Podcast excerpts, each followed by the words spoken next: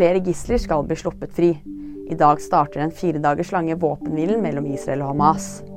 Avtalen innebærer løslatelse av 50 gisler på Gazastripen, i bytte mot 150 palestinske fanger i israelske fengsler. Et stort krise- og helsesystem står klare for å ta imot gislene. Overgrepssiktede ble avslørt av VIPS-overføring. En mann i 50-årene er siktet for overgrep mot 254 barn. Han skal ha kommet i kontakt med de mindreårige gjennom chattjenester som Omegle. Overgrepssaken er den største i Nordland. Det sier politiadvokat Maria Skog til VG. Oscar Pistorius spør om prøveløslatelse. Den sørafrikanske friidrettsstjernen ble i 2016 dømt til seks års fengsel for drapet på kjæresten i 2013. I dag skal han ha en høring om en mulig prøveløslatelse. Han sier selv at han handlet i selvforsvar da han skjøt gjennom en lukket baderomsdør, i den tro at en innbruddstyv befant seg på badet. Nyheter finner du alltid på VG.